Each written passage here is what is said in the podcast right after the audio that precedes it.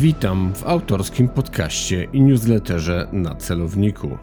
Co najmniej raz w tygodniu usłyszycie Państwo w podcaście, a dwa razy w tygodniu przeczytacie w newsletterze rozważania na temat bezpieczeństwa i jego zagrożeń, ze szczególnym uwzględnieniem terroryzmu oraz służb specjalnych. Bezpośrednio na Wasze skrzynki e-mail trafi przegląd mediów wraz z autorskim komentarzem. Zapraszam do stałego obserwowania podcastu oraz subskrybowania newslettera. Kieruj się w stronę podcastu na celowniku. Przy mikrofonie Artur Dubiel, Uniwersytet WSB Merito. Dzisiaj moim Państwa gościem w podcaście na celowniku jest pan dr Witold Sokała. Witam serdecznie, panie doktorze. Kłaniam się, dzień dobry panu, dzień dobry wszystkim naszym słuchaczom.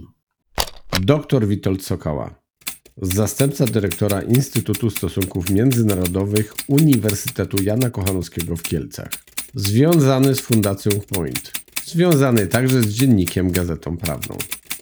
Panie doktorze, minęło trochę odcinków od naszej poprzedniej rozmowy, która wywołała taki pozytywny i powiem szczerze, lubię to słowo feedback więc, więc odzew był, był bardzo w porządku, tym bardziej się cieszę. Chociaż trochę żałuję, że trochę czasu uciekło, ale mam nadzieję, że nagrodzimy to sobie i wzajemnie, i, i naszym słuchaczom.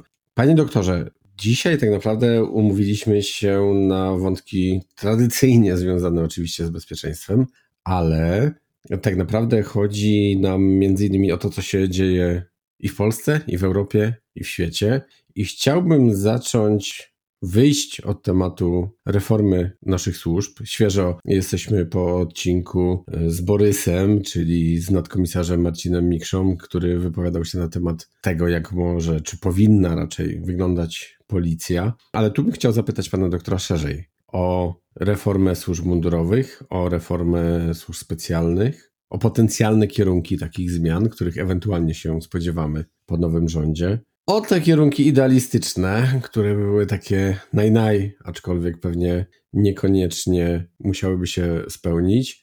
Jak pan doktor na to spogląda? No, w dobie procesu, który de facto dopiero się uruchamia, dopiero pierwsze tak naprawdę, właściwie nawet jeszcze nie decyzje, bo właśnie procesy się uruchomiły, tak? Chociażby w kwestii wymiany szefów służb specjalnych, bo to decyzje jeszcze nie zapadły, ale procedura ruszyła. Tak jest. No, trudno się było spodziewać czego innego. Wiadomo było już długo, długo, długo wcześniej, że jeżeli dojdzie do zmiany ekipy rządzącej, to y, szeroko pojęte służby dotknie ten tak zwany wiatr zmian i trudno było spodziewać się czegokolwiek innego, dlatego że te służby za czasów PiSu zostały potwornie upartyjnione i też sprowadzone na, jakby to nazwać elegancko, no na złą drogę. Bo z jednej strony to upartyjnienie, pamiętamy słynne zmuszanie policjantów przez jednego z wiceministrów do sypania konfetti z helikopterów. Pamiętamy tysiąc innych rzeczy, kiedy przekształcano je tak naprawdę, czy próbowano przekształcić w partyjną formację Prawa i Sprawiedliwości, co słusznie było krytykowane przez opozycję, słusznie było krytykowane też, były krytykowane różne decyzje dotyczące struktury, sposobu działania i tak dalej, i tak. To chyba nie moment, żeby sięgać w przeszłość. Nawet jeżeli ktoś by się nie zgadzał zgadzał z tymi moimi tezami o upartyjnieniu przez PiS, to możemy się pewnie wszyscy, jak siedzimy tutaj przed mikrofonami i przed odbiornikami, zgodzić co do jednego. Opozycja twierdziła, że służby są upartyjnione. To jest jakby niezależnie od tego, miała rację, nie miała rację. Było wiadomo, dojdzie do władzy, posprząta najkrócej to ujmując. No i to sprzątanie się właśnie zaczyna.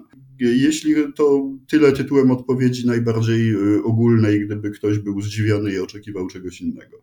Pan zapytał po drodze, y, używając sformułowania służby mundurowe.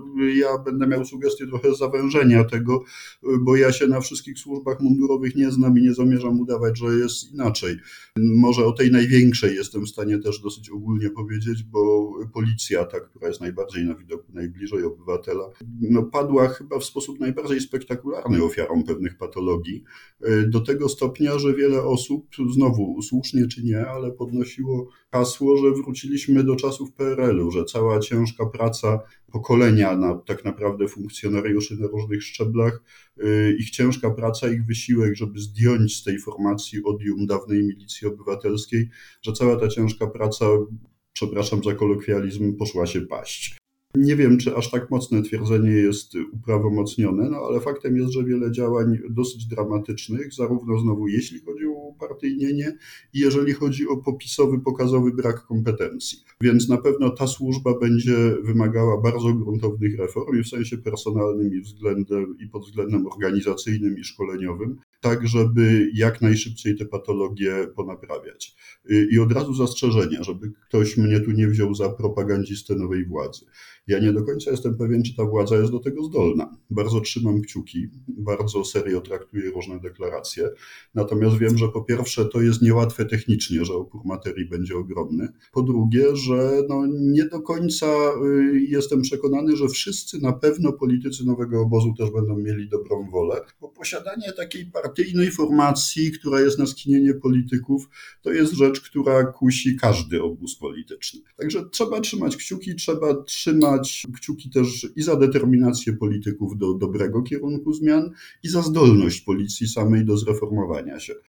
Panie doktorze, jeśli mogę, ale no umówmy się, no to jest warunek jednak pewien demokratyczny, że te służby od polityki muszą być jak najdalej. Oczywiście dość idealistyczna jest ta nasza polityczność. To nie do końca się zawsze będzie udawało, ale no bo ja pytałem też o te właśnie idealistyczne kierunki zmian. Tutaj znowu podobne sformułowanie z moich ust pada, ale no pewne chyba mechanizmy zabezpieczające muszą się pojawić, bo abstrahując od sympatii politycznych, czy anty nawet patii nas wszystkich i rozmawiających i słuchających, no to przecież możemy się spodziewać, że wcześniej czy później kolejna zmiana nastąpi i kolejna zmiana i kolejna i niestety te mechanizmy jeśli się przed nimi nie zabezpieczymy, to kiedyś bardzo mocno mogą się odwrócić przeciwko, zwłaszcza przeciwko społeczeństwu, i może się okazać, że no, pewne kroki już są gdzieś za daleko, i aby dokonać pewnej zmiany, to niestety trzeba będzie,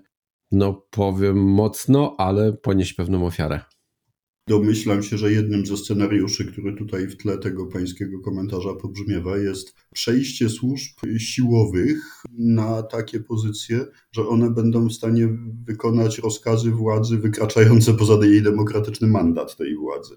No jest takie ryzyko, nie da się ukryć i nie jest przypadkiem, że pod koniec rządów Prawa i Sprawiedliwości pojawiły się wątpliwości, czy na przykład to przekazanie władzy spodziewane nastąpi w sposób płynny i demokratyczny, czy nie zostaną podjęte jakieś próby wykorzystania formacji mundurowych także do rozwiązań siłowych. No nie doszło do tego, jak widzimy, całe szczęście, ale już sam fakt, że kilku poważnych ludzi zaczęło całkiem na serio snuć takie scenariusze, pokazuje, że zbliżyliśmy się my jako społeczeństwo wolne i demokratyczne do bardzo niebezpiecznej krawędzi i y, trzeba zrobić wiele, żeby od niej odchodzić. Więc słowo idealizm, którego Pan używa, jest tu uważam jak najbardziej na miejscu, bo no, obaj jesteśmy z tego pokolenia, które pamięta życie w tym systemie niedemokratycznym i możemy powiedzieć młodszym szczerze, słuchajcie, to nie jest nic fajnego. Demokracja jest fajna, kontrola parlamentarna jest fajna, fajne są wolne media, Fajnie jest wtedy, kiedy służby mundurowe i te nienoszące mundurów służą państwu, a nie jednemu obozowi politycznemu. Państwu, a więc nam wszystkim. I to wcale nie jest takie oczywiste, że zawsze tak musi być. Więc ten idealizm moim zdaniem no, nie jest taki całkiem naiwny, jest po prostu chęcią, żeby w Polsce było tak jak w całej reszcie cywilizowanego świata. By, mówiąc w dużym uproszczeniu, tak jak w Stanach, czy we Włoszech, czy w Danii, zwłaszcza w Danii, która y, podobnie jak inne kraje skandynawskie jest tutaj modelowa, bo w różnych innych krajach Zachodu też dochodzi do mniejszych czy większych patologii, powiedzmy sobie szczerze, ale to jest jednak sytuacja jakościowo odmienna od tej, którą mamy w Rosji, na Białorusi, w Iranie i w Korei Północnej. Więc na tej osi pomiędzy Danią a Koreą Północną dobrze jest być jednak jak najbliżej bieguna duńskiego. I tutaj wchodzi realizm. Ja nie mówię, żeby w Polsce było tak jak w Danii, bo nie ta historia, nie ta kultura, nie to społeczeństwo, nie ci politycy.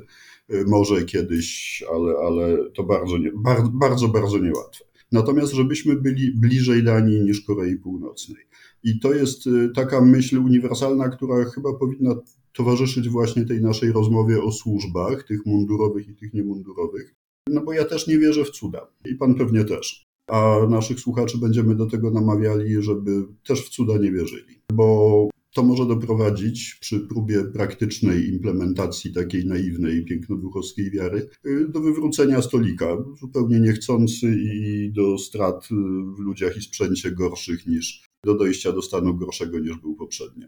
Więc bądźmy realistami, nie oczekujmy ideałów, nie oczekujmy ideału policji, wywiadu, kontrwywiadu albo i straży pożarnej, o której z całym szacunkiem mówić nie będę, bo się na problematyce strażackiej nie znam zupełnie. Najwięcej mogę pewnie mówić o tych służbach zwanych specjalnymi, czyli przynajmniej tej, tych, które ustawa w Polsce takim mianem określa, a tak naprawdę o tym klasycznym zestawie, czyli wywiad, kontrwywiad zarówno cywilny i wojskowy. No i tutaj też, tutaj sytuacja już przechodząc do tego wątku jest być może mniej oczywista niż w przypadku policji, bo policję mamy wszyscy przed oczami. Policję widzimy na co dzień, jej działania są jawne, większość przynajmniej. Z wywiadem i kontrwywiadem jest trochę inaczej. Nawet jeżeli czegoś się dowiadujemy o działaniach tych służb, to musimy sobie zawsze zadać pytanie, ile w tym jest prawdy, a ile celowej manipulacji w komunikacie, no bo te służby po prostu działają w takiej specyficznej strefie szarej, bardzo szarej czasem, której się nie informuje ani o klęskach, ani o sukcesach. Jak się o y, sukcesie powie, to być może mówi się o nim właśnie po to, żeby przykryć akurat klęskę. Jak się powie o klęsce, to jest to często element desinfo, po to, żeby wprowadzić w błąd przeciwnika, udawać słabość, a uderzyć go potem tym mocniej. No więc y, możemy owszem oceniać trochę po efektach, po tym, co jednak czasem za wolą lub bez woli służb wypłynie i zostanie zweryfikowane przez inne obiektywne czynniki. Możemy się trochę w jakimś stopniu opierać na tym, co mówią ludzie, którzy są blisko tych służb, bo oni czasem mówią nieoficjalnie i poza protokołem prawdę, no i możemy sobie tkać jakiś tam obraz, ale tutaj uczciwie y, przestrzegam przed wyciąganiem zawsze bardzo daleko idących wniosków, bo operujemy wszyscy, komentatorzy, analitycy, także politycy w dużym stopniu. Każdy, kto nie jest wewnątrz, kto nie jest aktualnie czynnym insiderem, operujemy jednak stosunkowo niewielkim zasobem informacyjnym. Nie wiemy wszystkiego, a to, co wiemy, nie do końca poddaje się weryfikacji, więc to też przyjęcie takiego założenia o taką pokorę w rozmowie o stanie obecnym, przeszłym i przyszłym służb specjalnych bardzo bym apelował. Bardzo dziękuję za tą opinię. Powiedziałbym na swój sposób wyważoną. Staram się. Cieszę się. Panie doktorze, ale Pana wizja tak naprawdę potencjalnych zmian według Pana. Ja wiem, stara się Pan być ostrożny, sam Pan mocno zauważa i uwrażliwia w pewien sposób naszych też słuchaczy, że ten obraz, który do nas dociera, on może tylko w części mniejszej lub większej polegać na, na prawdzie, ale jakby Pan miał być osobą decyzyjną, ośrodkiem decyzyjnym. Pytam nawet niekoniecznie może nawet o szczegóły, o detale, bym powiedzieć wprost o poziom taktyczny, ten najniższy, mhm ale właśnie o takie strategiczne kierunki, o relacje ewentualnie służb z politykami, no ten właśnie idealistyczny obraz, ale który taki powinien być, pan powiedział o realizmie, no polityk jest od tego, ale żeby nadzorować, czy tak naprawdę te kierunki strategiczne są w pewien sposób przestrzegane, realizowane, a nie odręcznego sterowania poszczególnymi służbami, zwłaszcza wchodząc głębiej w ich strukturę. Hmm. Powiem tak. Troszkę właśnie możemy wróżyć. Mówiłem o tym ograniczonym zasobie informacyjnym, którym dysponujemy, ale to, co widzimy dosyć wyraźnie i to, co wiemy na pewno, to jest właśnie podejście polityków do służb. No to widać gołym okiem. Co oni mówią o tych służbach, jakie wyznaczają kierunki polityki, wreszcie kogo mianują na stanowiska szefów tych służb. To jest poziom widoczny publicznie e, i z niego możemy sobie troszkę wróżyć. No bo tak, jeżeli na szefa służby może bez nazwisk, kto będzie chciał, to sobie łatwo sprawdzi i przypisze konkretne nazwiska do wydarzeń z przeszłości. Jeżeli na szefa służby mianuje się człowieka, który owszem nigdy specjalnie z służbami nie miał do czynienia jako fachowiec, pewnie przeczytał kilka książek popularnych na ich temat, ale jest y, znany jako dosyć zaangażowany politycznie komentator, uczestnik działań pewnego obozu politycznego, który nagle robi go szefem czy wiceszefem ważnej służby no to, to jest gest, który jasno pokazuje intencje rządzących, prawda? To nie jest sygnał mówiący, chcemy zrobić fachową, apolityczną formację służącą państwu, tylko to jest sygnał, chcemy mieć tam najwierniejszych z wiernych. Oni nie muszą akurat umieć dodać 2 do 2, ale mają pilnować, żeby ci, co 2 do 2 dodają, robili to, co my im każemy, za wszelką cenę. To jest zły sygnał, a takie sytuacje zdarzyły się w ostatnich latach y, niejednokrotnie.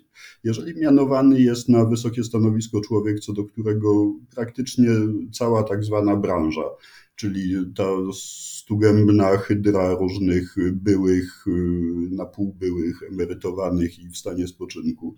Mówi mniej więcej to samo. Rzadko się to zdarza, ale było takich parę przypadków w ostatnich latach, kiedy ciężko było znaleźć kogoś, kto by o panu X powiedział dobre słowo pod względem merytoryki i etyki, a mimo to pan X awansuje no to znowu to jest kiepski sygnał ze strony polityków. I z takimi sygnałami też mieliśmy do czynienia. I to jest jedno, polityka personalna ta na najwyższych szczeblach, która była widoczna gołym okiem. Y, niewiele było awansów w tym okresie na stanowiska szefów i wice, wiceszefów, którym można by było przyklasnąć w, bez, bez specjalnych zastrzeżeń. Druga sprawa to jest zadaniowanie służb specjalnych. I to może warto powiedzieć y, głośno, bo tu się sporo nieporozumień pojawia czasem. Jest taka w tak zwanych internetach teoria, że służby same wiedzą, co robić. Otóż nie, służby oczywiście mogłyby mieć pewne pomysły, ale służby zazwyczaj w państwie działają na polecenie. Jak politycy powiedzą, badajcie nam ten kierunek, to służby będą badać. Jak, służby, jak politycy powiedzą, a tutaj nie ruszajcie, to służby nie będą ruszać. Zasadniczo. Obaj wiemy pewnie, że bywają wyjątki, ale, ale taki model jednak generalnie działa. Więc no też patrząc na działania polityków, te jawne, możemy sobie z grubsza, podkreślam z grubsza, wyobrazić kierunek działania, kierunek zadaniowania. No i tutaj też powiedzmy sobie szczerze, jakby to powiedzieć oględnie. No nie podejrzewam ekip ostatnio rządzących, żeby właściwie rozkładały te akcenty dla służb. O tak. Zastrzeżenie, które czyniłem z grubsza, to jest wyraz takiej być może naiwnej mojej jednak wiary, że ta ekipa, którą właśnie żegnamy w tej chwili, nie była aż tak niekompetentna, na jaką wyglądała, że tam jednak mimo wszystko było paru ludzi inteligentnych i rozsądnych w kierownictwie, którzy tylko po to, żeby nie podpaść prezesowi, starali się tej swojej inteligencji za bardzo nie ujawniać i nie wyrastać ponad przeciętność y, niską, ale y, no jest nadzieja, że oni gdzieś tam po cichu, jak mieli możliwość decyzyjną, y, to mówili szefom służb, służb specjalnych, wiecie co, ale tutaj no, nie przesadzajcie na tym kierunku, a może za to weźcie się za ten inny, bo tu jest realne zagrożenie dla nas jednak większe. Słabła ta moja wiara, kiedy widziałem na przykład w odniesieniu do służb kontrwywiadowczych, jak one pozwalają hulać w Polsce rosyjskiej i białoruskiej agenturze i jaką nieudolnością czasem się wykazują w jej łapaniu, jak różni agenci wpływu mogli bezkarnie wypisywać straszliwe rzeczy, nawet organizować partie i ugrupowania jawnie dywersyjne, różne tam na przykład ruchy pokojowe, które wzywały nas do porzucenia sprawy ukraińskiej i dogadywania się z Rosją w imię pokoju, a y, służby specjalne potrafiły zrobić tyle, że ich koordynator na Twitterze pisał, że pan Leszek S. to jest brzydki facet i brzydko się bawi. Natomiast pan Leszek S. nadal sobie hula na wolności, zakłada kolejne ugrupowania. Jego koledzy organizują dzisiaj zbiórki na Grzegorza Brauna po jego wyskoku z gaśnicą w Sejmie i tak dalej, i tak dalej. To jest strasznie frustrujące, bo nawet jeśli, nawet jeśli próbować założyć, że to wszystko dzieje się za wiedzą polskich służb, że ten Leszek S. i inni liczni jemu podobni, jawni niemalże agenci wpływu, kulają sobie, bo nasze służby celowo im na to pozwalają, to powiedzmy sobie szczerze, no jest to bardzo, bardzo mało prawdopodobne, żeby to była jakaś koronkowa gra operacyjna. To jest częściowo nieumiejętność poradzenia sobie z takim zjawiskiem jak agentura wpływu, a to jest problem w dzisiejszym świecie coraz groźniejszy. E, a po drugie jest to problem właśnie na szczeblu politycznym i na szczeblu zadaniowania, bo to, co w tej chwili mówię, dotyczy środowisk, z którymi Prawo i Sprawiedliwość bardzo długo flirtowało. Tej skrajnej prawicy, często prorosyjskiej, uchylało drzwi, dawało jakieś rządowe pieniądze za pomocą różnych grantów, licząc na to, że jakoś tę szurię proputinowską e, i antyukraińską uda się obłaskawić. Nie udało się jej obłaskawić, nie udało jej się wciągnąć politycznie do swojego obozu, natomiast pozwolono jej rozbudować budować swoje struktury i dano jej środki do działań organizacyjnych. I okazało się potem w momencie wybuchu tej ostrej fazy konfliktu na Ukrainie, że już jest trochę za późno, żeby to rozlane mleko zdrapać i z powrotem zlać gdzieś do jakiejś tubki, którą da się zakręcić. E, więc tutaj strasznie dużo rzeczy jest do zrobienia i do posprzątania w takich sferach, które no, było widać gołym okiem. Podsumowując ten wątek, no jest stajnia Ujasza prawdopodobnie do, do posprzątania. Nawet z tego, co widać na zewnątrz. To tak, żeby ta nasza rozmowa nie wyszła na zbyt kunktatorską. Panie doktorze, bo kwestia tak naprawdę reformy służb miała być pewnego rodzaju wstępem do przejścia, nie wiem czy do głównego wątku, ale na pewno następnego i mocno powiązanego, czyli dla wyzwań dla Polski w sferze bezpieczeństwa i zaraz to rozwinę, ale poruszył pan doktor dwie kwestie, które chciałbym tak dopytać, tak na krótko, że tak się wyrażę. Pierwsza, bo prawda jest taka, że powiedzmy, że kiedy wystartowała ta prawdziwa trzecia RP, to w sumie tak się wydarzyło, że to politycy wciągnęli trochę służby w pewne relacje. Tak. Mam na myśli oczywiście dowódców, szefów, te wszystkie pikniki, służby przy okazji, czy raczej ci szefowie nie protestowali, fajnie, tak, wszyscy się poznawali, układy i tak dalej. I teraz w żaden sposób nie wartościuję tego słowa układy, tak, czy to pozytywne, czy negatywne. Po prostu, no, doszło do pewnej relacji, która nie do końca powinna mieć miejsce, poza powiedzmy tą relacją służbową, bo, bo sytuacja jest zdrowsza, kiedy po prostu tego pozasłużbowego nie ma. Mhm, dokładnie tak. Ale w tym wszystkim inna rzecz mnie mocno ciekawi i powiem szczerze, mam taką swoją teorię i jestem bardzo ciekaw jakby opinii pana doktora na ten temat, bo wspomniał pan no w pewien sposób personalnie, nie wymieniając nazwiska, ale o stanowisku ministra koordynatora. Ja powiem szczerze, mam ogromne wątpliwości, czy w ogóle takie stanowisko powinno istnieć, czy nie powinno się go w pewien sposób rozłączyć, bo de facto nie mówimy o żadnym systemie służb specjalnych. Przecież system z zasady ma swoje poziomy. I teraz proszę mi powiedzieć, no gdzie jest ten minister koordynator? Bo on jednocześnie jest na poziomie strategicznym, tym politycznym, decyzyjnym, a jednocześnie właściwie na poziomie operacyjnym, bo ma koordynować. Mnie się to, powiem szczerze, nie spaja jest to chyba jakiś problem, kiedy tak naprawdę zakładaliśmy, że tak się wyrażę, nową Polskę. I być może jest to ten moment raz, że być może powołać nowe jakieś ministerstwo, które zajmie się służbami, ale właśnie typowo na poziomie strategicznym, a na poziomie operacyjnym być może trzeba powołać jakiś podmiot, który faktycznie pozwoli na to, od czego jest de facto poziom operacyjny, już oczywiście gdzieś tam z tyłu nadzór, kontrola, oczywiście, ale przede wszystkim sprawna koordynacja. No, spajanie tych dwóch rzeczy, jak dla mnie, trochę jest jak łączenie stanowiska.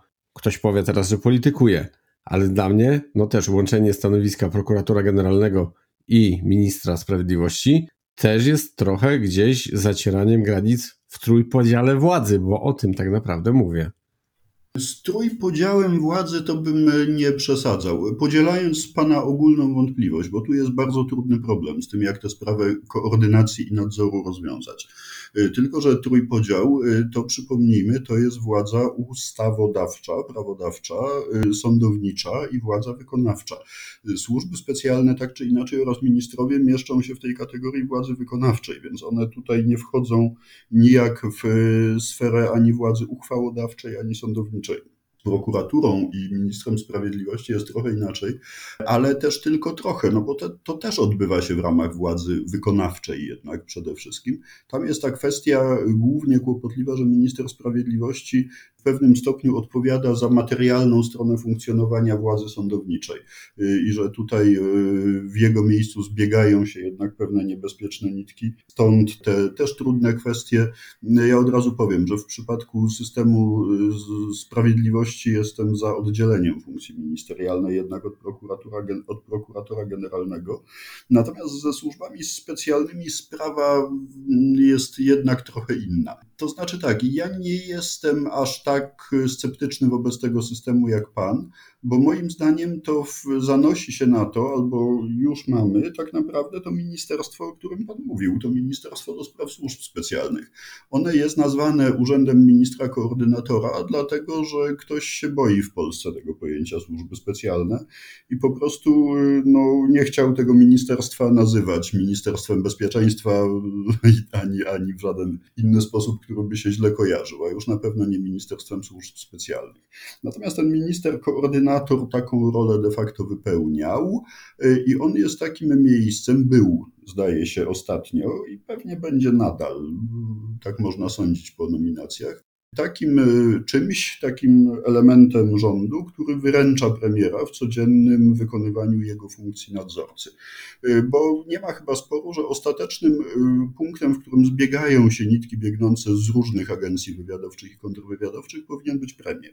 On jako szef egzekutywy, jako ten bieżący kierownik polityki państwa, także w dziedzinie bezpieczeństwa, powinien mieć na swoim biurku na bieżąco raporty wszystkich szefów służb specjalnych i on powinien sam pośrednio lub bezpośrednio być w stanie wydać tym szefom polecenie, e, że mają się czymś zająć, e, że coś mają zintensyfikować, że potrzebna mu jest szybko jakaś informacja albo jakaś akcja podjęta w środowisku bezpieczeństwa. A ponieważ premier ma tych zadań od groma i ciut ciut, no to do tego jest potrzebny minister, żeby w imieniu premiera jako ten polityczny koordynator to robił. Podkreślam polityczny koordynator, czyli na poziomie e, nawet powyżej operacyjnego bez wnikania w szczegóły, bez zajmowania się tym, jakiego rodzaju techniki operacyjne ma zastosować porucznik gdzieś tam w terenie. Od tego już jest szef służby i jego podwładni.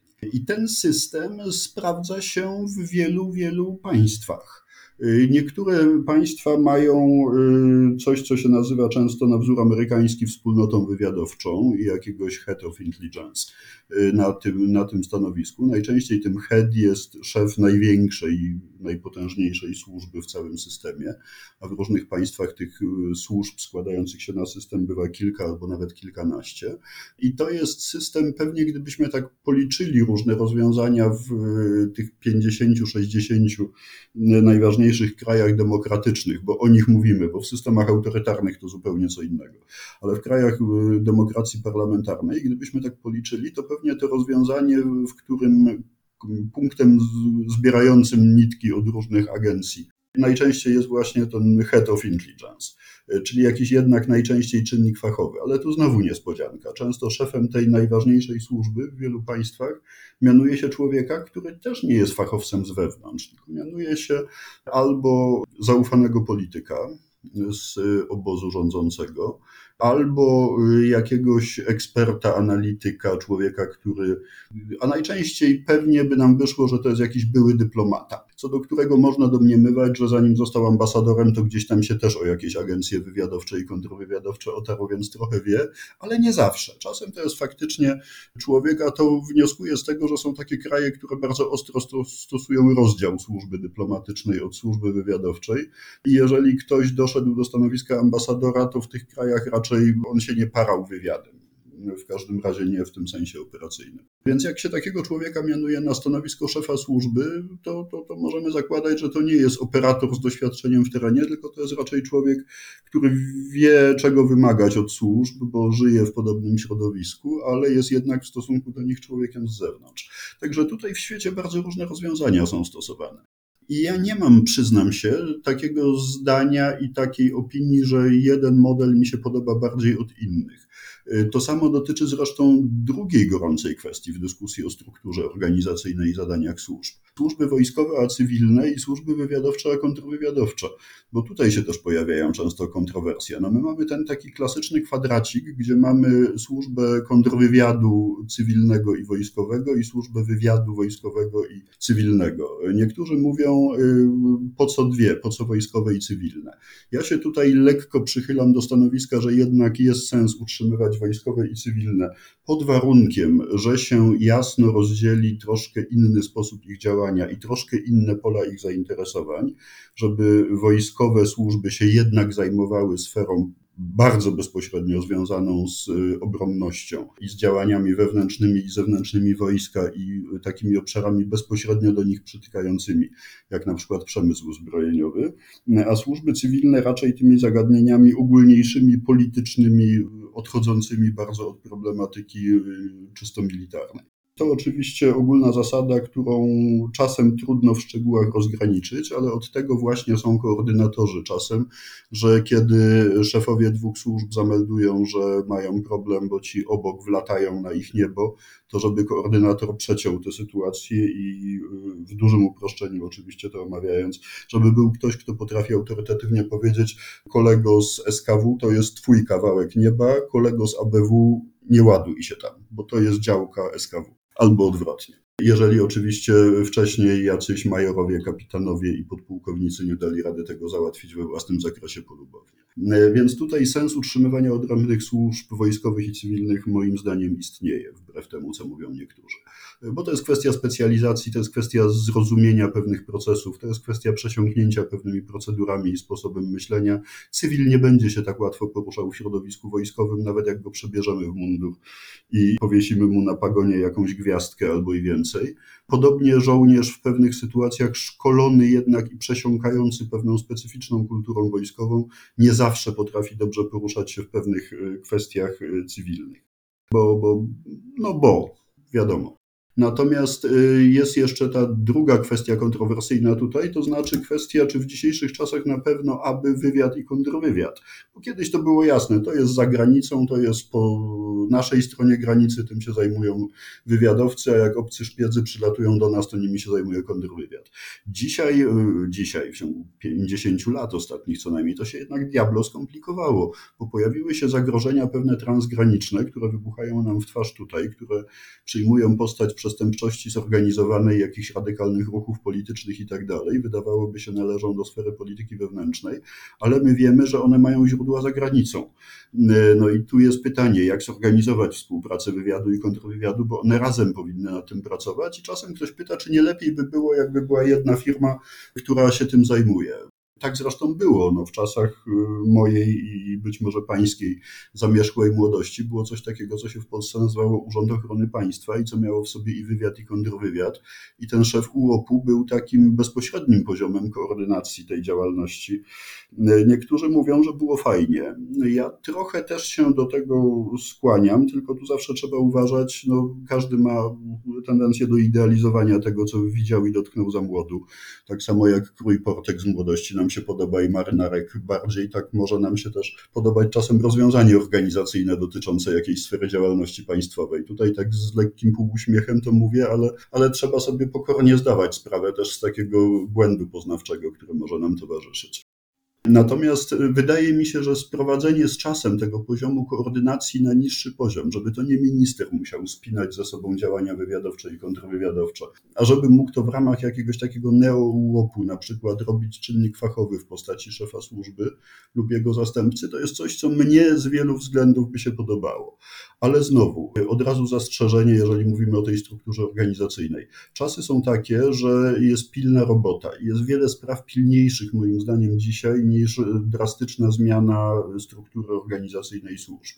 To może przyjść z czasem. Być może jak okaże się, że już ogarnęliśmy poważniejsze problemy, które mamy, to wtedy będzie sens pogadać o tej reformie organizacyjnej. Na razie moim zdaniem byłoby to przedwczesne, bo po prostu nowa władza musi wejść w te buty, musi zrobić szybki protokół otwarcia, musi dokonać wielu trudnych decyzji personalnych polegających na odsianiu ziarna od plew, czyli tych, którzy znaleźli się w służbach przypadkiem i z politycznej nominacji i ich obecność jest tam szkodliwa, od tych, którzy co prawda przyszli lub awansowali na wyższe stanowiska w okresie rządów partii minionej, ale albo są ok fachowo i przydatni, albo przynajmniej rokują nadzieję, że się, widać, że się szybko uczą i będą z nich ludzie i tych trzeba zostawić, może gdzieś tam poprzesuwać w tej strukturze, może odbyć z nimi rozmowy sprawdzające pod tym kątem, czy oni y, piszą się w nowy paradygmat funkcjonowania profesjonalnej służby, a potem pozwolić robić swoje.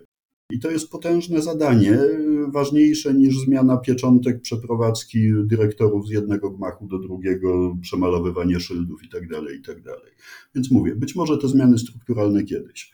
Natomiast y, co do kwestii jeszcze nadzoru i kontroli, który Pan poruszył, oprócz tego, tej kontroli, koordynacji i nadzoru wewnątrz struktury władzy wykonawczej, jest jeszcze ważna kwestia kontroli parlamentarnej.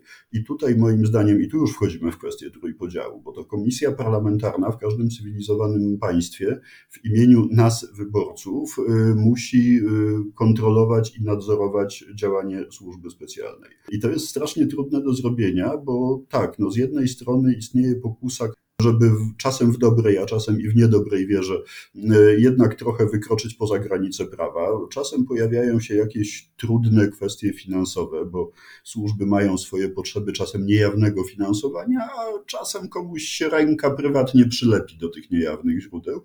No więc w dużym uproszczeniu musi być jakiś zewnętrzny w stosunku do służby nadzór i kontrola ze strony władzy tej reprezentującej najbardziej bezpośrednio obywateli, czyli parlamentu. Tylko tutaj pojawia się problem, no bo znowu y, urok demokracji jest taki, że y, lud, demos, czyli my wszyscy, wybieramy sobie różnych ludzi. Czasem niekompetentnych, czasem nieodpowiedzialnych, a czasem y, niestety pracujących celowo dla strony trzeciej. No ale trudno. Lud ich wybrał, póki nie zostali prawomocnie skazani za szpiegostwo albo prawomocnie pozbawieni praw obywatelskich w związku z jakimś ciężkim deficytem intelektualnym, no to pełnią swoje funkcje wybrańców narodu. I teraz ktoś z tych zupełnie nieodpowiednich ludzi poprzez Komisję do Spraw Służb Specjalnych mógłby legalnie zyskać wgląd w bardzo tajne i bardzo newralgiczne strefy działalności państwa, gdybyśmy przesadzili z, ze skalą tej parlamentarnej kontroli. Tutaj trzeba bardzo dokładnie postawić granice. Co mogą wiedzieć posłowie z Komisji do Spraw Służb Specjalnych, czego absolutnie wiedzieć nie mogą. Te granice, moim zdaniem, u nas trzeba troszkę przesunąć w dół, to znaczy dać posłom jednak nieco większy wgląd, ale stawiając jednocześnie jakościowe bariery dla tych posłów.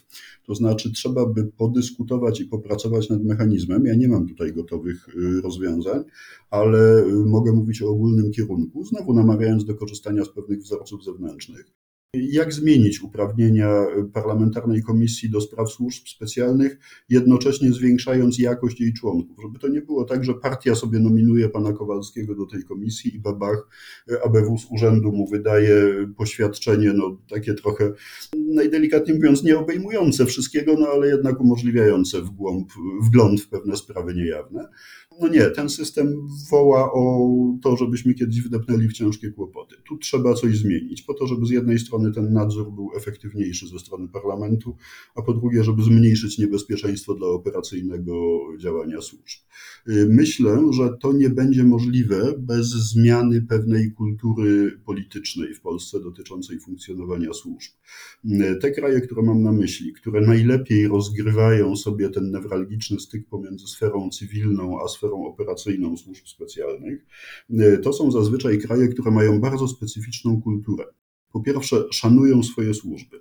Wielka Brytania, Izrael, ale także kraje skandynawskie, o tym się mniej mówi, Szwecja na przykład.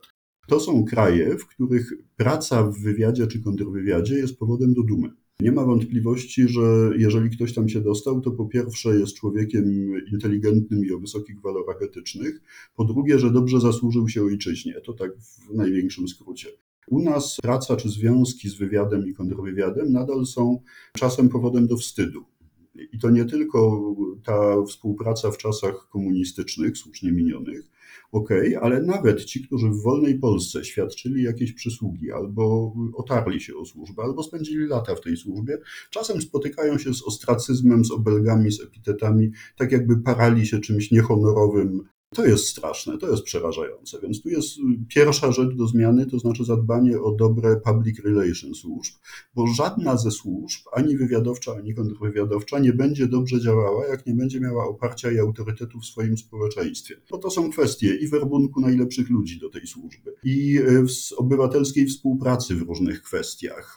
No cały, cały katalog, z którym u nas jest kiepsko niestety. Druga kwestia tutaj dotycząca tej kultury politycznej to jest zrozumienie specyfiki tych służb i zwiększenie stopnia profesjonalizmu także osób, które nie są w służbie. Kraje Zachodu, Stany Zjednoczone, znowu Wielka Brytania, Izrael, Szwecja i tak dalej, są tu na dobrym poziomie i są przed nami, bo tam na przykład można na cywilnych uczelniach studiować zagadnienia służb specjalnych. Tam można pracować dla think tanków, które na co dzień współpracują ze służbami specjalnymi i cywile, nie oficerowie i funkcjonariusze, ale cywile mają styczność z tą specyficzną organizacją, zaczynają ją lepiej rozumieć, a z kolei organizacja uczy się w ten sposób też na poziomie operacyjnym komunikować z cywilami, którzy współpracują. Nie ma ostrej granicy jest przejście płynne. Do świata cywilnego trafiają byli oficerowie, którzy kończą swoją karierę w służbie, stają się wykładowcami akademickimi, ekspertami itd. Tak Nie ma w tym nic dziwnego. U nas ten styk ciągle jest problemem. E, jeżeli ktoś ze służby wyszedł, to już jest problem z tym, żeby go powołać jako szkoleniowca, doradcę i tak dalej, no bo on już został cywilem, poszedł gdzieś tam faktycznie wykładać na uczelni i tak dalej, więc bramy służby są dla niego zamknięte bardzo często. E, to są rzeczy, które musimy zmienić, bo z tego pogranicza służb i sfery cywilnej, często biorą się w krajach Zachodu bardzo kompetentni politycy, którzy mogą potem służby nadzorować skutecznie, bo je rozumieją.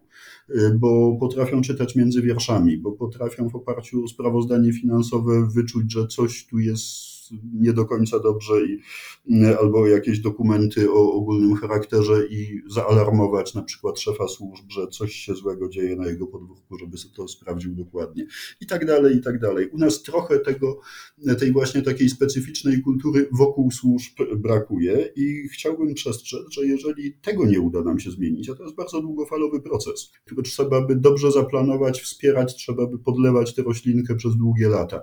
Już w pewnym momencie szło w dobrym kierunku, kierunku, potem się niestety załamało, trochę z powodów, o których Pan też wspomniał, zadając swoje pytanie.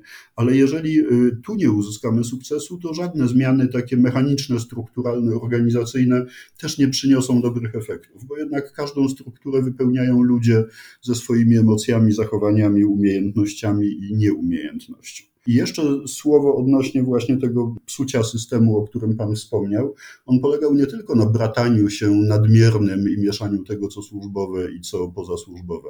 Tam jeszcze jedna kwestia y, była, mianowicie otwarte używanie służb niezgodnie z przeznaczeniem. Pierwszym takim, y, dzisiaj bardzo wielu zwolenników nowej władzy przypisze te działania tylko Prawu i Sprawiedliwości. A ja mam słoniową pamięć i pamiętam, że pierwszym takim w historii III Rzeczpospolitej spektakularnym zepsuciem jakości służb to było wtedy, to było przejmowanie ich przez SLD wtedy, kiedy Leszek Miller obejmował władzę i kiedy y, świeżo powołana wtedy Agencja Bezpieczeństwa Wewnętrznego została wykorzystana do spektakularnego zatrzymania przed kamerami publicznej telewizji, która przypadkiem przechodziła tam z kamerami ówczesnego prezesa Orlenu, czy jeszcze nie Orlenu, to jeszcze ten koncert się wtedy inaczej nazywał, po to, żeby tylko uniemożliwić mu posiedzenie, udział w posiedzeniu kluczowym zarządu. To była szyta grubymi nićmi akcja, za którą myślę jej autorzy żyjący do dzisiaj, co niektórzy powinni się wstydzić, bo to było użycie służby bardzo niezgodnie z przeznaczeniem. I wtedy się zaczęło. I zaczęło się pogłębiać bardzo szybko, bo każdy następny szedł krok dalej. I zaczęto używać służb specjalnych, najpierw tych kontrwywiadowczych, potem wywiadowczych, w charakterze takiej trochę policji na usługi partyjno-propagandowe. No i zaczęto, i to się zaczęło psuć, no bo ludzie widzieli różne większe, nieco bardziej kręgosłupy wewnątrz służby, orientowały się skąd wieje wiatr i za co są szybsze awanse. No i niestety ja mówię o sytuacji przez przed 20 lat z okładem, to w tym czasie wielu nowych oficerów i funkcjonariuszy zostało w tym coraz bardziej patologicznym systemie wychowanym. Y, niełatwo będzie niektórych odzwyczaić od myślenia w kategorii tego, czego oczekują polityczni przełożeni. Bo znowu, nadgorliwość gorsza faszyzmu. Naszym zagrożeniem, wracając do początku tej rozmowy, jest nie tylko to, że polityk wyda polecenie. Naszym zagrożeniem jest to, że jakiś porucznik czy kapitan y, wstanie rano i pomyśli, fajnie byłoby zrobić coś, co się spodoba partyjnym przełożonym mojego szefa. I z własnej inicjatywy zrobi, wykona coś, czego, czego ci szefowie polityczni nawet nie postanowili zażądać. A takie sytuacje przecież i w policji, i w służbach też bywały już wielokrotnie. Obawiam się, że jeszcze będą bywać. Trzeba cholernej determinacji ze strony polityka, żeby to odkopać. Także wszelkie karesy i umizgi ze strony funkcjonariuszy bo to przecież fajnie mieć swojego człowieka w ABW, jak się jest posłem, nie? To kusi. No więc strasznie dużo rzeczy tutaj do zrobienia. Myślę, że ważniejszych na tym etapie też niż rozmowa o konkretnym umocowaniu ministra koordynatora. Ale ta dyskusja powinna się toczyć. I znowu, powinna toczyć się i z udziałem samych służb, które mogą opiniować różne rozwiązania i zgłaszać postulaty w tym zakresie merytoryczne jak najbardziej, ale też z udziałem dosyć szerokiej rzeszy cywilnych ekspertów, właśnie takich trochę wiedzących o tych służbach, trochę mających ogląd sytuacji zewnętrznej i wiedzę o tym, jak to w innych krajach się, a także prawników, socjologów, politologów, tych, którzy specjalistów od zarządzania, a więc dosyć szerokiego grona ludzi, którzy mogą tutaj wnieść różne punkty widzenia, po to, żeby na bieżąco monitorować funkcjonowanie tego systemu i może kiedyś stopniowo, spokojnie wprowadzić zmiany. Tylko znów, ja się jednej rzeczy strasznie boję. Praktycznie wszystkie zmiany organizacyjne w służbach, zmiany ich struktury, były w minionej epoce wprowadzane nie po to, żeby było lepiej, tylko po to, żeby na przykład usunąć niewygodnych szefów albo uczynić tę strukturę wygodniejszą dla polityków. Nawet jeżeli nowa reforma byłaby robiona w dobrej wierze, to po złych doświadczeniach minionych dwudziestu paru lat wstanie ktoś i powie, no tak, znowu zmieniają strukturę, bo pewnie znowu chcą jakąś, e, coś zachachmęcić. To jest też odium, z którym w sferze czysto PR-owskiej reformatorzy służb będą musieli się zmierzyć. Doktorze, to może ktoś sobie w końcu o nas przypomni. Tak trochę oczywiście żartując, Pół żartem, pół serio tak. To znaczy, wie pan co, y, ja mówiąc takie rzeczy zawsze się zastanawiam, y, czy ktoś to potraktuje jako podanie o przyjęcie do pracy. Otóż y, ja informuję, że ja mam pracę, bardzo mi jest dobrze w tej pracy, którą wykonuję. Natomiast jeżeli ktoś mnie spyta o radę, to oczywiście nie odmówię o moją opinię. Natomiast nie ubiegam się o żaden etat, a już na pewno nie kierowniczy, a inne są za mało płatne, żebym się o nie ubiegał. Okej, okay, dobra, skończmy, skończmy ten wątek. E, mówiąc całkowicie e, poważnie, bo jeden taki wniosek też mi się nasuwa, a właściwie przemyśleń mam kilka, ale jeden mi się taki nasuwa, no bezwzględnie musi się skończyć takiego jak kontrolowane przecieki, tak? To, co pan doktor tak naprawdę tak. wspomniał, nie? Przypadkiem przychodzi ekipa telewizyjna, przypadkiem wiecznie te same redakcje mają dostęp tak. do, do pewnych informacji, oczywiście, które są niepotwierdzone, bo to jest w sumie wiedza służb, już nie chcę mówić, że operacyjna, ale nie mająca przełożenia tak naprawdę jeszcze na, na żadne dowody. Ciekawe też, że pan doktor wspomniał o czymś podobnym, o czym właśnie w poprzednim odcinku nadkomisarz Miksza wspomniał, bo on też powiedział, że policja sama w sobie nie zmieni się też dobrze, jeżeli nie zostanie naprawiona relacja policja-społeczeństwo i to mhm. społeczeństwo też musi pewnego rodzaju kredyt zaufania i szansę tej policji dać. Kolejne takie przemyślenie. Ja też jestem zdania, że ten wywiad z kontrwywiadem trochę jakby się zacierają, te różnice. Oczywiście cel jako taki jest inny, ale narzędzia de facto są mocno zbliżone. Pracuje się tak naprawdę i tu, i tu na informacji, tylko ten cel jest trochę inny na zachodzie, nie, to, to używa się tego sformułowania oczywiście intelligence i coraz częściej się mhm. tak nie rozdziela tych dwóch służb, ale gdzieś, bo wspominał też doktor chociażby o Urzędzie Ochrony Państwa, coś nam zostało z tych starych czasów, czyli niestety wspólne ustawy służb, że tak się wyrażę, w parach. I jest też coś takiego, tak mi się wydaje, jak ja bym to nazwał lękiem przed reformą, reformą przez duże R może za każdym razem, kiedy podnoszona jest dyskusja o zmianach, to zawsze każdemu się wydaje, że to musi iść już takie, za przeproszeniem, z buta, że duże. Takie, przepraszam, że wejdę w słowo, większość z nas ma doświadczenia, że jak już zaczęli mówić o reformie, to trzeba było się albo oburącz trzymać stołka, albo w ogóle ewakuować. O co mi chodziło tak naprawdę? Bo sam pan doktor zauważył, że to niekoniecznie przecież musi się tyczyć zmian struktur. Pewnie. Niekoniecznie. Trzeba by oczywiście się nad tym zastanowić, ale właśnie kwestia tej koordynacji, ja bym to nazwał koordynacji faktycznej. Tu może gdzieś ten punkt wspólny, który to wszystko będzie spinał i poprzez efekt, bardzo lubię to sformułowanie, synergii i symbiozy, spowoduje, że więcej wyciągniemy, więcej wykręcimy z działania tychże służb. Panie doktorze, bo mocno się rozwinęliśmy tak naprawdę w tym wątku, a on miał być formą pierwszej części właściwie wstępu do tego, jakie są wyzwania dla, dla Polski w sferze bezpieczeństwa, bo, bo też gdzieś musimy odnaleźć te służby, nie chcę mówić, że nowe służby, ale być może po pewnych zmianach. Odnowione. Na pewno nie tak to nazwijmy. Korzystam z okazji, żeby przestrzec tym, którzy, którym się wydaje, że da się zamknąć stare służby i zbudować od zera nowe. Nie, nie da się i to ci, którzy próbowali, są liczne dowody w zewnętrznym świecie, się na tym strasznie przejechali. Trzeba zmieniać i poprawiać, nie można wylać dziecka z kąpielą. Może tym ten wątek faktycznie wewnętrzny służb zamknijmy. Natomiast jak ważna jest ta problematyka, to łatwo pokazać właśnie na przykładzie tego, o co Pan pyta w tej chwili, o skalę wyzwań i zagrożeń. Najkrócej. Mamy Rosję wiszącą nad naszą częścią Europy, która y, przegra, wygra na Ukrainie militarnie, tego jeszcze nie wiemy, ale w długiej perspektywie wiadomo, że po pierwsze nie da rady militarnie schołdować Europy Zachodniej, nie da rady militarnie wygrać z NATO.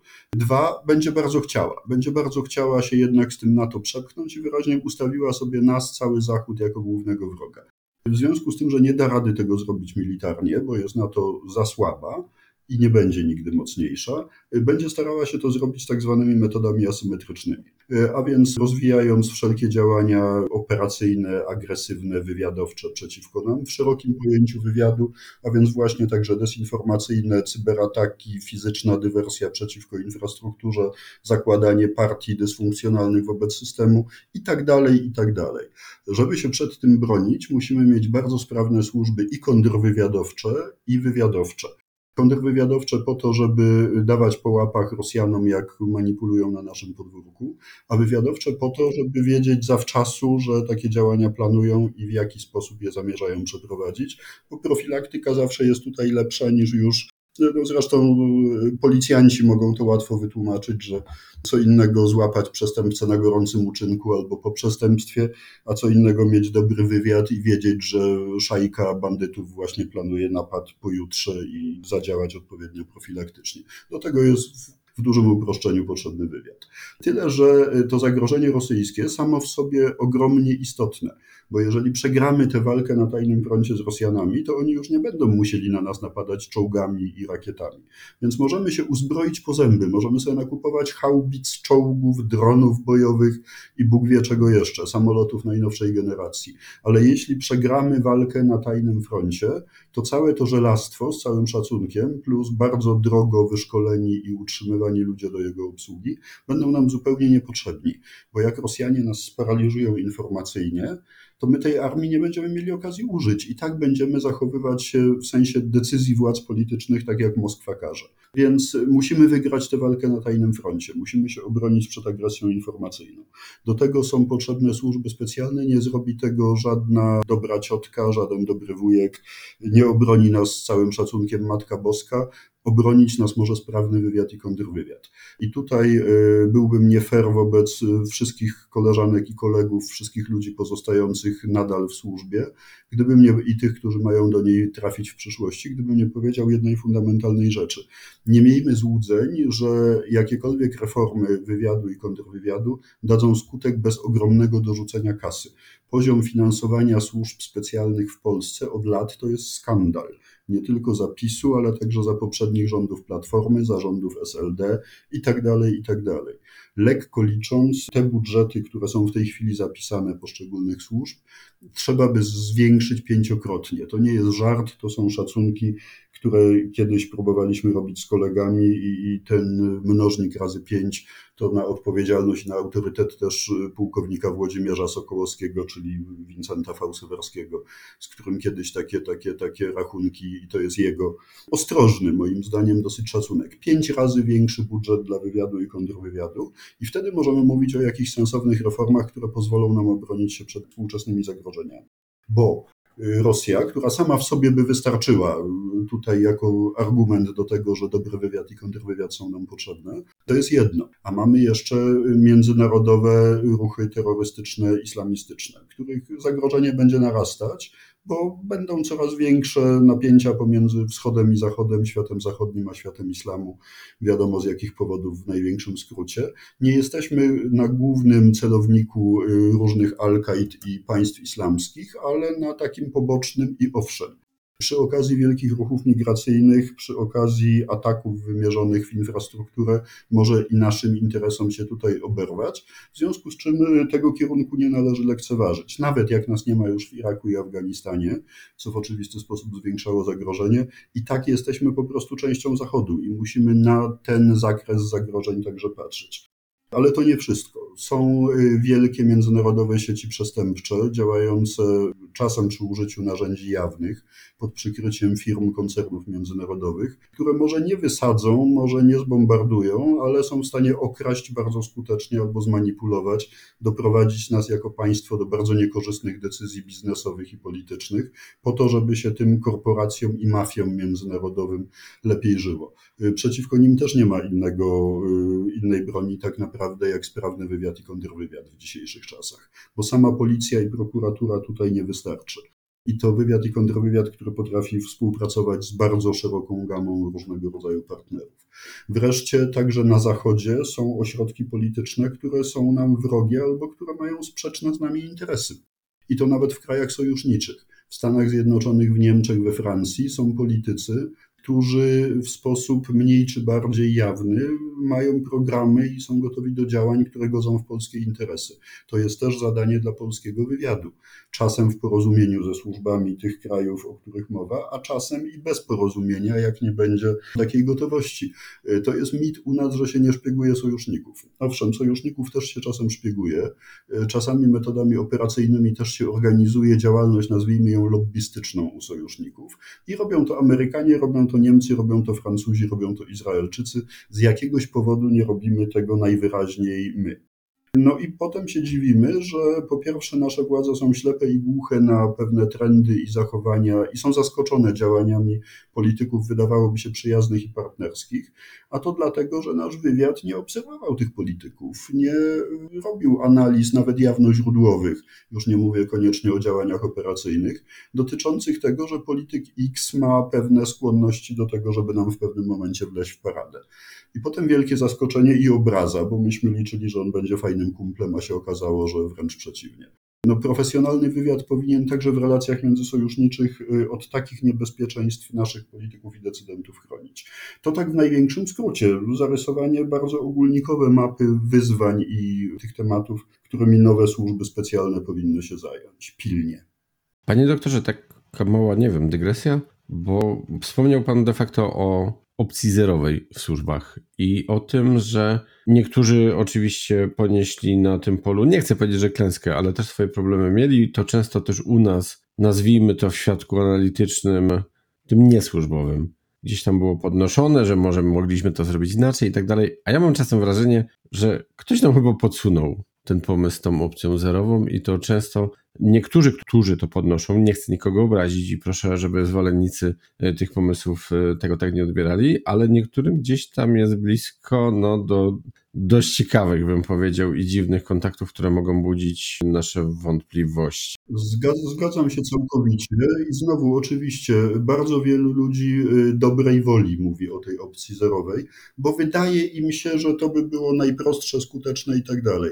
Y, I to zarówno teraz, jak i kilka lat temu, bo dokładnie ta sama dyskusja się toczyła, kiedy PiS obejmował władzę y, i też pojawiały się pomysły po stronie pisowskiej, żeby opcja zerowa wywalić wszystkich, którzy pracowali wcześniej, bo to albo agenci Moskwy, albo Berlina, albo zdemoralizowani przez tychże i zbudować w oparciu o harcerzy Rzeczpospolitej, y, ministrantów i młodzieżówkę PiSu zupełnie nowe służby specjalne. Y, trochę przejaskrawiam, ale niemalże takie pomysły wtedy przecież hulały z ust całkiem y, poważnych, wydawało się, ludzi i częściowo mających dobrą wolę. Dzisiaj mamy sytuację rebur, to znaczy ci, którzy PiSu nie lubią i dochodzą teraz do władzy, mówią zaorać, bo to pisowskie i mówię, jestem w stanie to zrozumieć, że to jest dobra wola, ale dlatego przestrzegam, że to się źle skończy.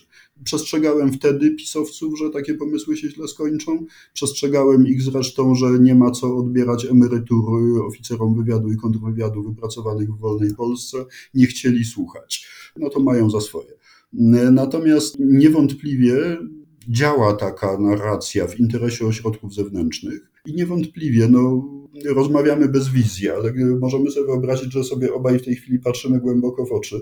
Jakbyśmy sobie zadali takie pytanie, jak byś był oficerem wywiadu rosyjskiego, który ma za zadanie zdekomponować służby przeciwnika, czyli w Polsce, to jakie rzeczy byś zrobił? I gdybyśmy sobie tak na kartce wypisali kilka rzeczy, które bym zrobił, urzędując w jakimś hipotetycznym Jasieniewie, to gdzieś na tej krótkiej liście byłby pomysł niewątpliwie demontażu służb specjalnych w Polsce przez namówienie Polaków na opcję zerową, żeby sobie rozwiązali to, co mają, zerwali ciągłość instytucjonalną i zaczęli budować służby od nowa. A krzyż im na drogę. Ja wtedy jako oficer służby rosyjskiej zyskałbym dobre 10 lat, a przynajmniej 5 albo 7 na zupełnie swobodne hulanie po Polsce. No więc zdziwiłbym się, gdyby profesjonalnie oficerowie wywiadu rosyjskiego i nie tylko rosyjskiego nie przeznaczyli jakiejś, jakiegoś woreczka z pieniędzmi na wspieranie w Polsce takiej narracji o opcji zerowej. I wtedy, i teraz. Wtedy, czyli w momencie, kiedy PiS przejmował władzę, i teraz, kiedy ją traci. Bo z punktu widzenia jakiegoś pułkownika w Jasieniewie to jest tak samo dobra okazja, żeby polskim służbom i Polsce zaszkodzić.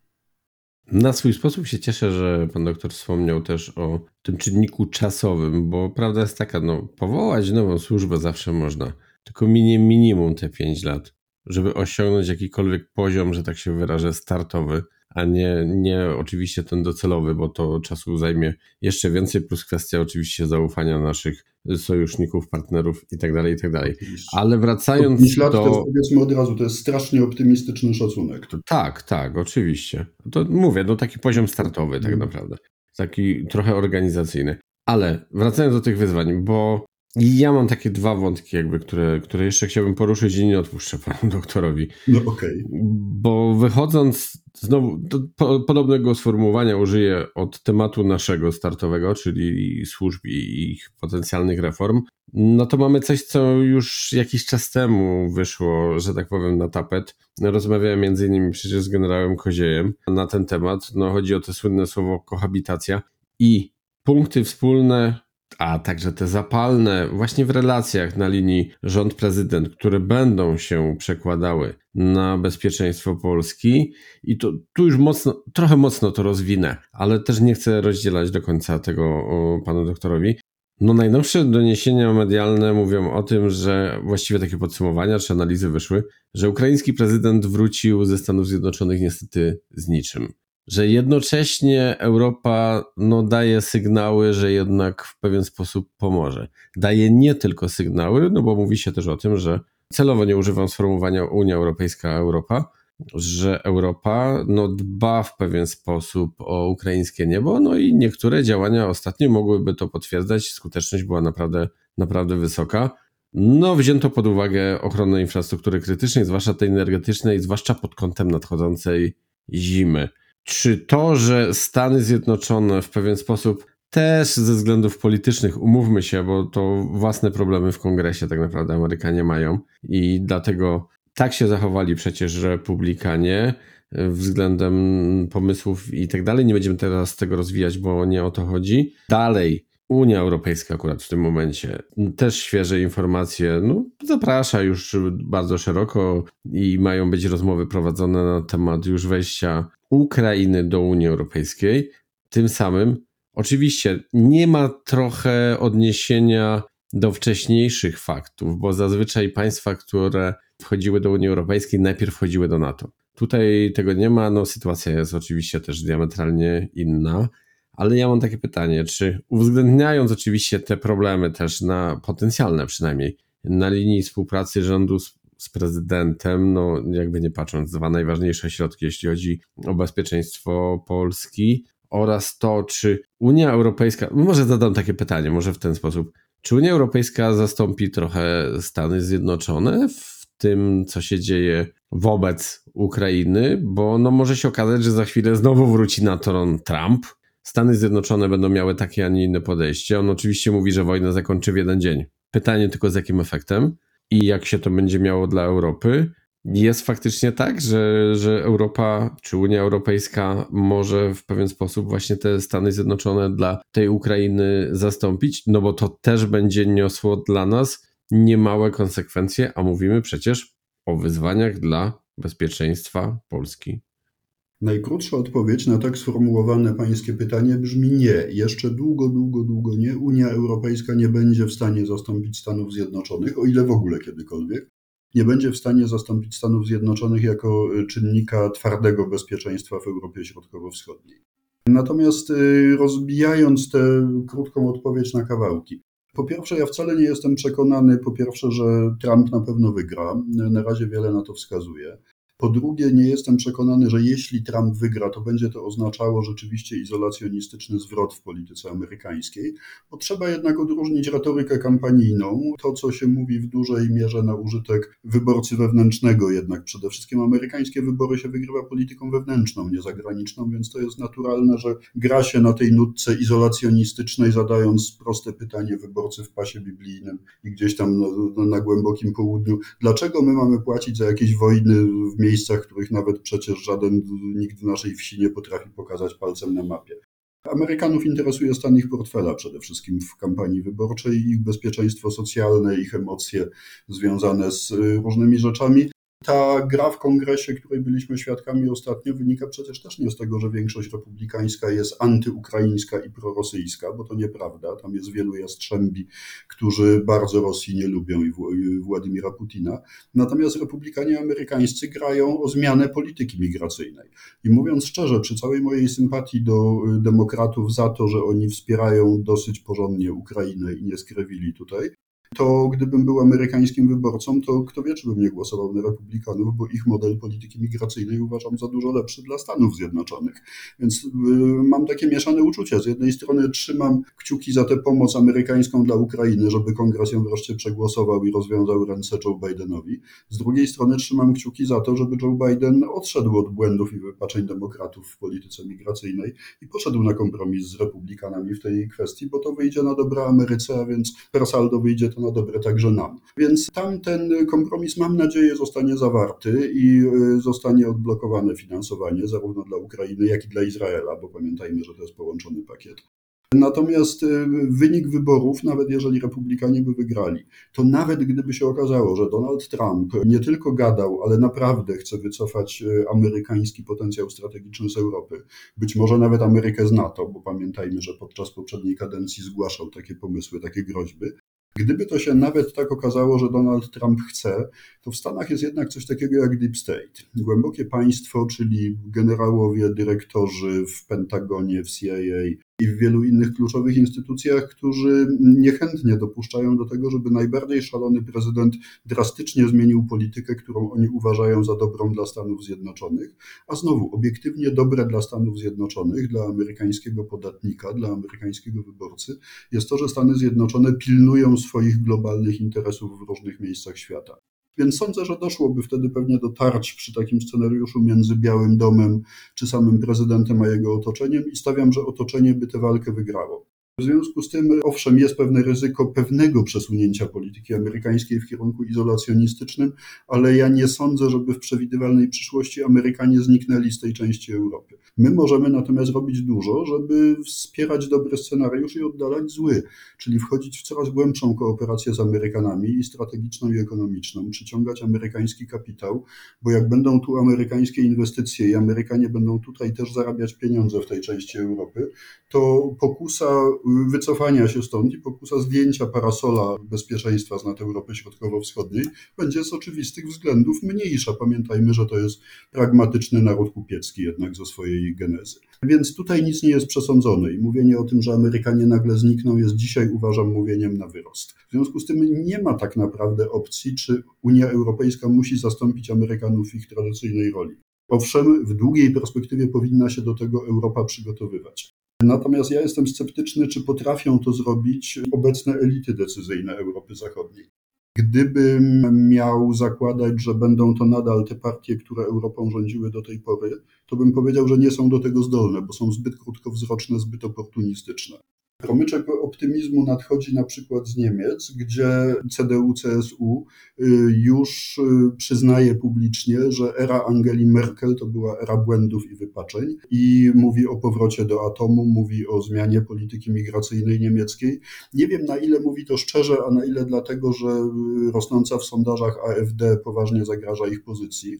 No ale grunt, że mówi, że coś się jednak w niemieckich elitach zmienia i że nagle to, co mówili od lat eksperci, specjaliści, także niemieccy, było przez polityków niemieckich lekceważone w sposób bardzo arogancki w imię jakichś, czy to ideologicznych, czy zacietrzewień, czy biznesowych kalkulacji. Więc w Niemczech coś, daj Boże, zaczyna się zmieniać na lepsze. Trochę zaczyna zmieniać się na lepsze we Francji, gdzie też naciska radykalna prawica bardzo mocno na ten centrowy obóz prezydenta Emmanuela Macron. No zobaczymy. Złe rzeczy dzieją się w Wielkiej Brytanii, pewnie dojdą do władzy lejburzyści po samobójstwie politycznym torysów dokonywanym na raty.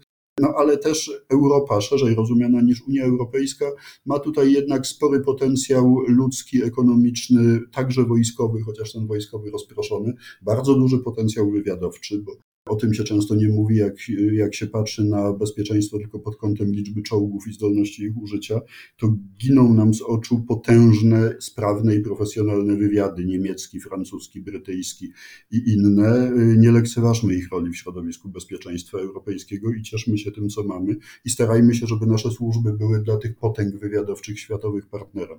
Natomiast y, myślę, że będąc sceptycznym co do kierunku wydarzeń w przyszłości w Unii Europejskiej i ostrożnym, bo też trzeba mieć świadomość, że mm, interesy obiektywne tych potęg europejskich w wielu punktach są i będą sprzeczne z interesami polskimi. Y, myślę, że to, co możemy też zrobić, y, żeby nie wisieć jedynie na Amerykanach, to poszukiwać jakiegoś funkcjonalnego układu bezpieczeństwa nieco węższego niż Unia Europejska, Moim zdaniem też niewielkie są szanse, żeby w tej roli wystąpiła jakaś grupa wyszehradzka czy układ środkowoeuropejski, bo tu są też zbyt duże sprzeczności interesów i zbyt mały potencjał, żeby to, była, żeby to był układ sojuszniczy skuteczny. Natomiast moim zdaniem atrakcyjna jest perspektywa okołobałtycka bo my plus Skandynawowie, plus Litwini, y, Łotysze i Estończycy, to są akurat te kraje, które podzielamy wspólną percepcję zagrożeń, wspólnie się boimy agresywnej Rosji, mówiąc najkrócej. Y, jednocześnie mamy interes w tym, żeby bronić się twardo tutaj na miejscu i nie oddać pięci ziemi umownej.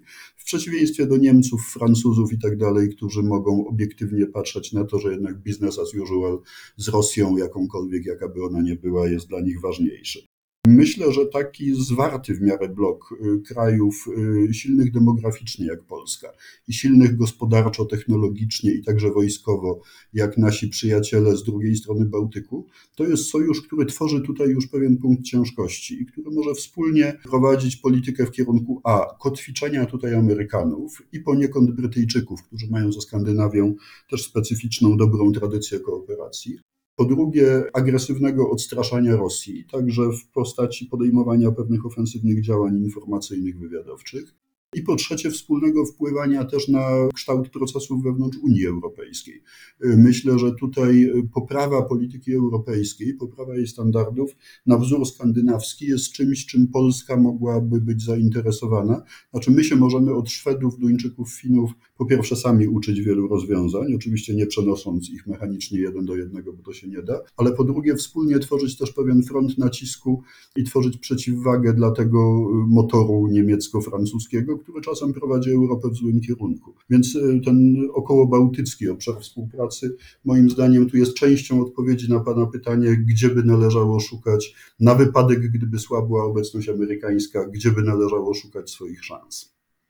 No, muszę się przyznać, powiem tak. Bardzo mi się podoba i samo sformułowanie, i kształt tego, że tak się wyrażę, tej inicjatywy około bałtyckiej, bo ja sobie oczywiście pozwoliłem na małą prowokację względem pana doktora, pytając, czy ta Europa jest w stanie zastąpić Stany Zjednoczone, mając na myśli, nie dopowiedziałem tego akurat, no o tych chyba jednak utopijnych wizjach, które kiedyś się pojawiały i które zaczynają wracać gdzieś euroarmii, ale no pod kątem Europy patrząc, no musimy się znowu zastanowić, bo będą znowu wracały te wszystkie wątpliwości, dotyczące de facto tej wspólnej polityki i strategii bezpieczeństwa. I tu na sam koniec chciałbym właśnie wrócić do tej słynnej kohabitacji i, i współpracy rządu z prezydentem. Czy wydaje się panu doktorowi, że jednak tak jak w sumie w pewien sposób było to do tej pory, jednak potrafiły obozy po bardzo różnych stronach sceny politycznej, no w kwestii bezpieczeństwa i tego, co się dzieje za naszą wschodnią granicę, jednak w pewien sposób się zrozumieć i wiedzieć, że można wojować na pewnych polach, ale są też zagadnienia, gdzie miejsca na to kompletnie nie ma. Trzeba do tego namawiać. Kiedyś było lepiej pod tym względem, za czasów dawnych, dawnych, czyli gdzieś tam w okolicach lat dwutysięcznych. Jeszcze faktycznie to hulało, kiedy przedstawiciele różnych obozów politycznych, nawet publicznie urządzając sobie naparzanki malownicze w Sejmie, potem szli razem na wódkę i uzgadniali sprawy y, kompromisowe, kluczowe i tak dalej, także te w obszarze bezpieczeństwa.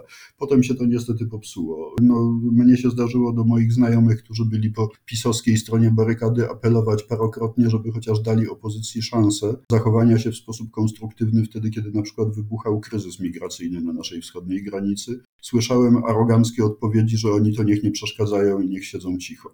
My to sami załatwimy. To była taka po pierwsze arogancja, po drugie naiwność, po trzecie, y, przekonanie, że sami damy radę, a jednocześnie zyskamy, to, i to było małe, to było najgorsze po stronie pisowskiej, moim zdaniem, że jednocześnie sprowokujemy opozycję, żeby ona, no, w, ubierzemy ją w buty proputinowskie po prostu na siłę, no bo oni będą tam fikać, biegać na granicy z torebkami, a my będziemy pokazywać, patrzcie, oni plują na mundur i tak dalej. Przecież taka propaganda była robiona.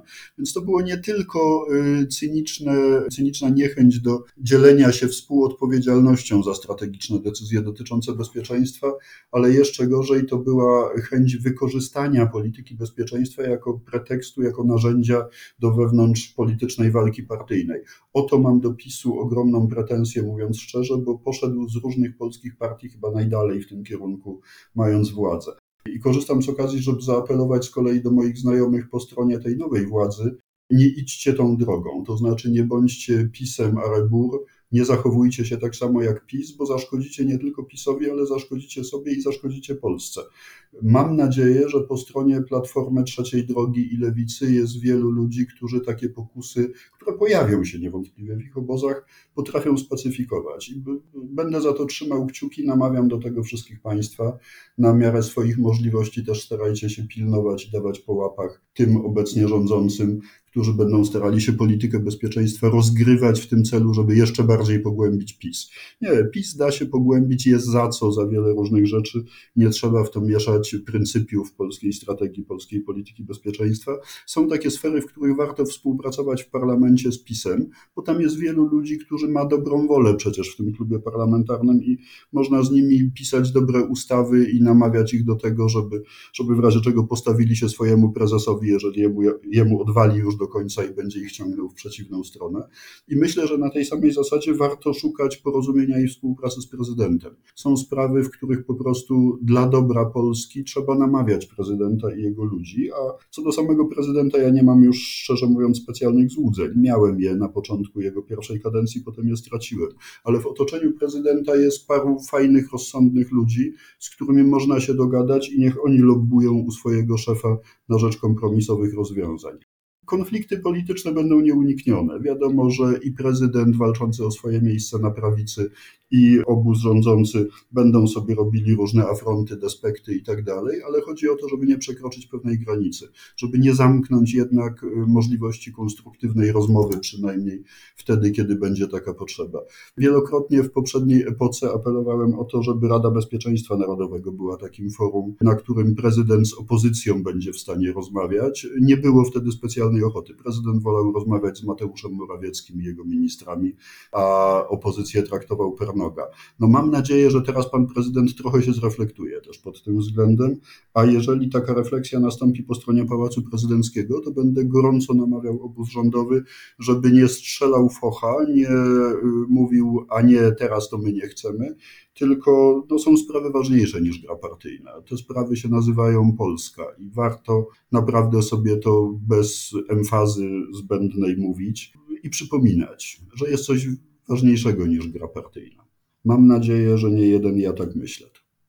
Panie doktorze, a wracając do Rady Bezpieczeństwa Narodowego, no bo gdzieś tam pojawiał się też zarzut, że ostatnio to trochę tak funkcjonowało sobie, że rozmawiamy post factum, a właściwie przecież powinniśmy rozmawiać przed podjęciem pewnych decyzji i dążyć do wzajemnych konsultacji. Ta Rada Bezpieczeństwa Narodowego według Pana jeszcze ma jakiś sens? Są jeszcze dla niej nadzieje? Czy te. No, ja nie chcę do przesady chwalić, ale wydaje mi się, że trochę się zmieniło, chociażby w Biurze Bezpieczeństwa Narodowego za nowego szefa i, i chyba trochę przyszło nowe.